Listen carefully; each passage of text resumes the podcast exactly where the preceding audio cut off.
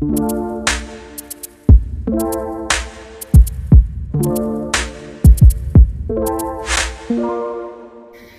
op de eerste Economica podcast. Vanaf vandaag kunnen jullie om de twee weken een interessante podcast terugvinden op onze verschillende kanalen. Vandaag zijn we te gast bij Pencil 42. We spreken met Joken en Christian over hun ervaring bij de stap van het studentenleven naar de arbeidsmarkt. Maar eigenlijk, wat is het verhaal achter Pencil 42? Pencil 42 is eigenlijk tweedelig. Uh, je hebt Pencil. Um, wij bouwen eigenlijk uh, software architectuur voor bedrijven. En binnen de architectuur gaan wij vaak moeten tekenen hè, met potloods of op whiteboards. Dus we zijn altijd wel aan het nadenken en aan het tekenen en onze gedachten aan het schetsen op bord. Uh, de 42 die komt van Hitchhiker's Guide to the Galaxy. Dat is een, een boek waar een film van gemaakt is. En daarin wordt eigenlijk gevraagd aan een supercomputer, wat is nu eigenlijk het, het antwoord op het leven? En die supercomputer die gaat van alle berekeningen maken en is er honderden jaren mee bezig. En uiteindelijk geeft hij een antwoord en zegt van ja, het antwoord op het leven is 42. Dus uh, vandaar 42. Joke en Christian, jullie werken hier uh, één jaar en twee jaar. Kunnen jullie wat meer vertellen over jullie zelf, uh, wie jullie zijn, wat jullie hebben gestudeerd? Ja, hallo, ik ben Joke dus. Um, ik heb burgerlijk ingenieur gestudeerd, wiskundige ingenieurstechniek. Dus het was vrij logisch om iets te gaan doen in computerwetenschappen in die richting. Uh, en dan ben ik bij Pencil 42 terechtgekomen als software-ingenieur. Voor mij, um, ik, ik heb TEW gestudeerd, toepassing wetenschap. Dus het ligt niet zo dicht bij de job die ik nu doe. Maar ik heb dan twee jaar geleden uh, ben ik begonnen bij Pencil Toen als digitale analist. Uh, vooral logisch nadenken wat ik moet doen en uh, analyses maken voor bedrijven. Ik ben hier nu dus twee jaar in dienst en het gaat vlot. Jullie komen natuurlijk niet van de ene op de andere dag binnen bij Pencil 42. Hoe is jullie sollicitatieproces eigenlijk verlopen voor mij is het uh, gegaan via een jobfair van Economica. En daar hadden ze een matching tool gemaakt uh, die je dan online kon invullen. En op het einde, als je alle vragen had ingevuld, kreeg je een paar bedrijfjes uh, waar je mee gematcht werd met percentages.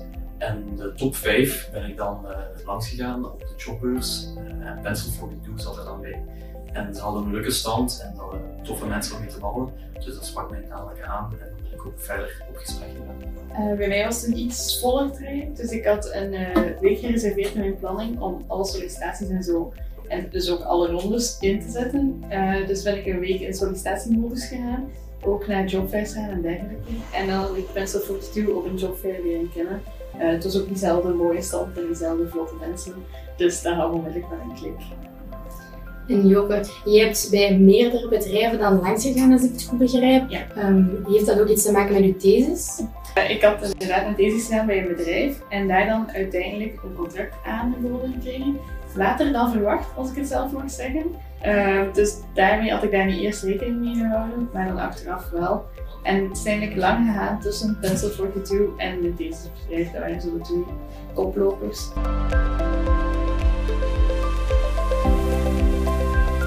Bij het sollicitatieproces, hoeveel gesprekken moet je zo voeren voor je wordt aangenomen, voor je een contractrecht aangeboden? Ja, ik heb er drie doorlopen. Dus uh, ik denk niet dat je vaak na het eerste gesprek al een contract aangeboden gaat krijgen. Dus bij mij was dat op, de, op het derde gesprek dat ik effectief een contract werd aangeboden. Dus ik heb met twee verschillende mensen gebabbeld voordat ik een contract uh, aangeboden kreeg. Ik bij Pencil ook inderdaad met twee verschillende mensen. Um, en dat waren geen technische proeven of zo, dat was echt puur op persoonlijkheid dat ze gingen afgaan. Uh, ik had pas door dat de sollicitatie gedaan was wanneer dat die gedaan was. Ik zat de hele tijd te wachten, oké, okay, wanneer beginnen we eraan? Omdat het zo'n uh, casual gesprekje was. En Joke, je hebt dan um, contracten afgewogen. Um, tegen elkaar? Met welke criteria hou je wat rekening? Wat is eigenlijk zo de doorslaggevende? Oh, dat ligt zo wat persoonlijk, denk ik. Uh, iedereen denkt direct aan het financiële, daar heb ik eruit gelaten, want dat was allemaal vrij vergelijkbaar. Ik kreeg meestal wel een auto of een laptop en een gsm, die dingen allemaal. In Pallon dat verschool ook niet veel, want we zijn allemaal starters op dat moment. Uh, dus dat had ik eruit gelaten. Wat dat voor mij belangrijk was, was wel uh, de ligging, want je moet tenslotte bijna elke dag naar je werk gaan. Ook het soort werk natuurlijk. Ligt het dicht bij je studies of juist niet? Is er veel variëteit, wat je bijvoorbeeld bij consulting uh, dan wel hebt. Ook de mensen, als je daar op sollicitatie gaat, soms krijg je een rondleiding door het bedrijf en dan, dan zie je wel hoe ze zijn tegenover u. Houden ze zich afwezig aan een computer of gaan ze zich gaan voorstellen en u welkom heten? Dus dat deed heel veel. En ook de gemiddelde leeftijd van een bedrijf, dat was ook interessant. Zijn er dingen op dit moment uh, dat je weet, maar voor die nog niet, uh, waar je op moet letten bij het lezen van een contract? Op dat moment uh, let ik eigenlijk vooral op het loon, want dat was het enige wat ik kende waar je moest op letten. maar er zijn nog veel meer. Dus inderdaad, krijg je een auto, krijg je een tankkaart, is dat voor België of Europa? Ook een soort verzekering, heb je groepsverzekering, wat doen ze met pensioensparen? Zijn heel veel extra legale voordelen die kunnen worden aangeboden. En die wegen uiteindelijk wel door ook een, een of zo, dat lijkt misschien veel. Als je dat deelt door 12, is dat toch een significante bijdrage aan je loon. Dus ja, zeker alles gaan overlopen. Maar meestal staat er wel bij op je contract hoeveel dat waard is, zeg maar. Als jullie daar zitten met jullie contracten, gaan jullie dan naar jullie ouders of naar externe partijen om wat meer uitleg en mensen met ervaring er eens te laten naar kijken? Ja, uh, de dag dat ik mijn contract uh, heb aangeboden gekregen, heb ik dan direct gebeld naar mijn papa, omdat hij daar natuurlijk iets meer van weet. En dan heb ik met connecties in, de, in dezelfde sector eens gebabbeld van ah, is het nu goed, is het voldoende? En natuurlijk alle extra's die erbij komen kijken van uh, is dat normaal dat ik die krijg en zou er nog eens bij moeten komen?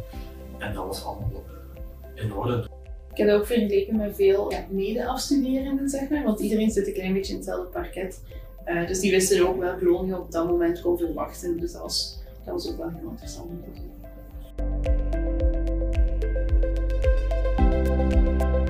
Dan na het tekenen kom je toe hier op kantoor. Hoe waren eigenlijk jullie eerste dagen en uh, projecten?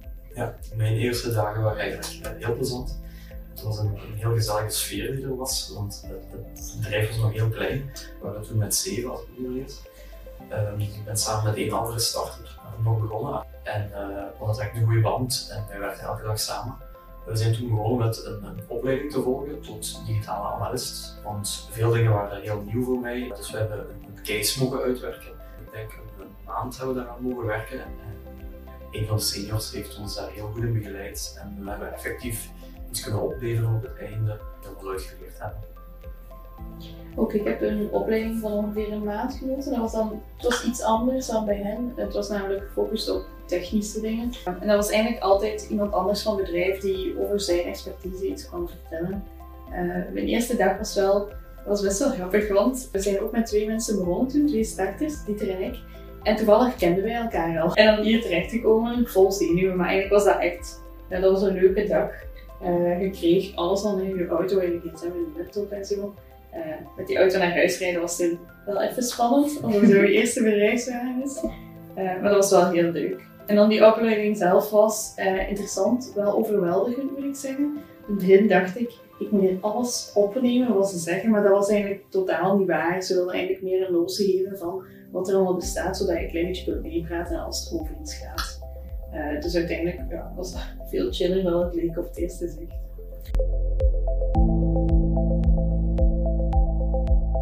En zo die opleiding lijkt dan een beetje op een opleiding die je dan krijgt uh, op, de, universiteit. Of dat echt, ja, je zegt je moet een notie opnemen. Dus dat, dat lijkt me dan heel anders, of kan je dat vergelijken? Ja, veelal was dat dat mensen zo iets waren aan het vertellen van bijvoorbeeld architectuur, je hebt die en die en die uh, modellen, of je kunt er dit in verwerken. Dat was meer een praatje doen met die mensen, of ze zeiden waar je relevante informatie kunt vandaan halen. Dan hebben we ook een paar opleidingen gehad dat effectief coderen was. Dus we hadden dan één toetsenbord en dan schoven dat zeg maar door tussen Dieter en mij. Uh, en dan keken ze hoe het, hoe het ging om tips te geven. Dat is wel heel anders dan aan de UNIF natuurlijk. Ik heb, uh, als analist heb ik de technische opleiding ook deels gehad. Dus voor mij was dat een heel verre, verre show. Maar ik vond het wel allemaal heel interessant en het werd ook uitgelegd op ons niveau. En ik vond het heel leuk om die informatie ook mee te krijgen, want je bent er natuurlijk ook elke dag mee bezig en je moet samenwerken met de technische mensen. Dus het is belangrijk dat je weet hoe zij het zien en hoe zij ermee werken.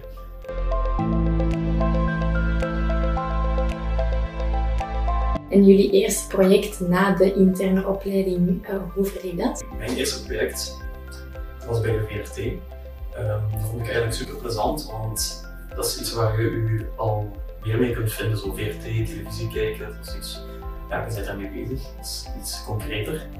Uh, het enige nadeel was dat ik daar alleen op mocht starten, dus zonder senior, zonder uh, collega. Maar uh, ik werd daar super goed opgevangen. Toch een kennis van het bedrijf, die dan wel mij heel goed begeleidde in het project. En dat is dan ook eigenlijk een goede kameraad geworden. Mijn eerste project was uh, een project van vrij korte duur voor ons. Uh, bij Selecta was dat, van Pelican Rouge, de koffie en zo. Uh, dus dat was ja, heel fijn, want ik drink heel graag koffie. En dat was daar natuurlijk overal aanwezig. dat was een ideaal startersprojectje, heel vrij. Ze wilden eigenlijk een soort webshop maken, maar ze hadden geen concrete designs of zo in gedachten. Dus we mochten eigenlijk zelf wat experimenteren. Dus echt een ideaal startersproject. En dan na een maand en een half zijn we naar een uh, veel groter project gegaan. En dan was het wel heel goed dat we al iets van basis hadden. En specifiek voor consultancy kan het zijn dat er af en toe een periode is waar er geen projecten zijn. Hoe ga je daar eigenlijk mee om? In het begin vond ik dat heel moeilijk, omdat je ziet je collega's ook minder, want die zitten allemaal op een project en je zit eigenlijk alleen op kantoor. Zo zaakjes te doen voor het bedrijf zelf. Maar na een tijdje merk je wel van, allee, ben je ook nuttige dingen bezig. het is belangrijk dat je dan ook echt hulp vraagt aan je collega's en uh, feedback vraagt en, en, toch wel degelijk dingen oplevert voor het bedrijf. We hebben ook heel eventjes gehad. Um, en dan zeiden ze vooral focus op jezelf, leer bij wat je kunt bijleren. Uh, dus dat interessant, maar inderdaad moeilijk om jezelf te motiveren, want je hebt niet het gevoel dat je iedere dag echt iets nuttig aflevert of zo. Maar ja, dat hoeft ook niet. De sector consultancy, het zegt heel veel, maar ook eigenlijk heel weinig. Hoe wisten jullie eigenlijk dat consultancy iets voor jullie was? Ja, dat is eigenlijk heel breed, de consultancy. Want ik had ook een consultancy afgeschreven, zeg maar. Als ik mijn lijstje met mogelijke bedrijven had, had ik iedereen met consultancy geschrapt. En uh, bij Pencil stond er niet expliciet consultancy bij vermeld in die beschrijving, dus daarom zijn ze door de maat van het net gelukt. En dan was ik dus op de jobfair langs geweest en dan die sollicitatie kwam eraan. En dan dacht ik, ja, waar moet ik nu eerst gaan solliciteren? En mensen zeggen altijd van zo'n trial run doen bij een bedrijf of zo. Dus pak een bedrijf waar je graag naartoe wilt gaan. Dan had ik Pencil genomen, want dat was consultancy zo gezegd. En dan ben ik hier terecht gekomen en een gesprek gehad met uh, Stefan toen. En dat was heel interessant en dan ben ik eigenlijk volledig omgewisseld, want consultants is niet altijd onpersoonlijk en het is niet altijd ergens alleen gaan werken. Het is ook niet super high level, dit is ook heel technisch wat we doen. Ik programmeer nu wat ik effectief wil doen. Um, en wel op een variabele basis, dus bij verschillende bedrijven. Um, consultancy op zich, ze zeggen wel, je gaat soms alleen op een project zitten je moet daar geen schrik van hebben, want de, de collega's daar, zijn, ook toffe mensen, dat zijn ook mensen die u verwelkomen. En um, uw collega's die zijn er ook altijd um, om u te helpen. Hier bij Pencil is dat ook zeer, zeer belangrijk uh, dat wij onze kennis delen. We hebben veel mensen met verschillende expertises. Dus als je op je project waar alleen zit, ergens vast zit met een bepaalde issue, er is altijd iemand die je kunt aanspreken binnen uw bedrijf, binnen uw collega's. Eh, die je sowieso kan verder helpen met die juiste oplossing. Zeker als een bedrijf zo laagdrempelig genoeg is dat je dat durft te stellen. Want ik had in het begin ook zo wat moeite van, oei, moet ik niet die kant, die collega die zo zegt hoger staat gaan contacteren. Maar hier gaan we uit van het holacracy niveau en dat gaat er eigenlijk tegenin. Iedereen zo vlak, zeg maar. dat is wel leuk, want nu kunnen wij zonder moeite aan veel ervaren mensen vragen stellen. En zij ook andersom. Het is niet alleen dat kennis zeg maar, van, van oud naar jong stroomt of zo. En hoe verschilt eigenlijk het werkleven en studentenleven? Het is een grote aanpassing, dat wel. Maar het is geen aanpassing in het negatieve zin. Je gaat vroeger moeten opstaan, je gaat meer moeten werken, je gaat harder moeten werken. Maar je krijgt ook veel voor terug. Je hebt uh, soms meer tijd om andere dingen te doen, je hebt meer geld om andere dingen te doen weekends zijn heel tof, vind ik. Ben altijd goed voorgepland, toffe dingen. En uh, het werkleven op zich, de collega's, de nieuwe mensen die je leert kennen, het is ook allemaal dat is super wat erbij komt. En uh, je werkt constant aan jezelf, je leert nieuwe dingen. Ehm, het is echt, het is anders, maar ik, ik raad het zeker aan om niet te lang uit te stellen. Dus, Ja. En zelf minder tijd doorheen de week, dat hoeft zelf niet per se, want ik was persoonlijk een student die niet zo super efficiënt was. Dus ik kon zeg maar uren aan mijn bureau zetten, maar eigenlijk meer serie hebben gekeken dan iets anders. Buiten nu gaat je dan gaan werken, je doet je 8 uur of 9 uur met vervoer en zo in, ik weet het niet. Eh, en dan kom je thuis en dan kun je eigenlijk nog een hele avond iets aan doen, dus dat is nog 5, 6 uur dat je over hebt. En vaak heb je dan zo het gevoel van, oké, ik, moet er nu- moet er nu nog iets aan uithalen. Ik kan niet gewoon 6 uur voor tv gaan zitten. Een typische vraag die je krijgt tijdens het sollicitatiegesprek is: waar zie je jezelf binnen x aantal jaar? Jullie antwoord toen en vandaag, verschilt dat of ligt dat op één lijn?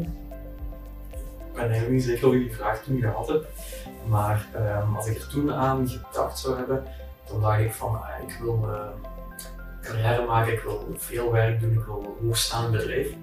Maar ik denk daar nu een beetje anders over. Ik, ehm, ik, ik werk nu gewoon van dag tot dag. Ik, probeer mijn best te doen iedere dag. En ik probeer het gewoon leuk te vinden. Ik probeer het bij te leren voor mezelf. En ehm, ik heb nog steeds ambities, maar die zijn misschien een beetje getemperd. Ik ben er ook ehm rationeler naar gaan kijken. In die zin dat ik toen zou geantwoord hebben, binnen vijf jaar wil ik super goed zijn in mijn job.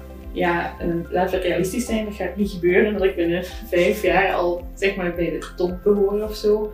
Eh, want inderdaad, je moet constant blijven werken aan jezelf. En eh, ja, er is constant iets bij te leren en daar houdt het wel interessant.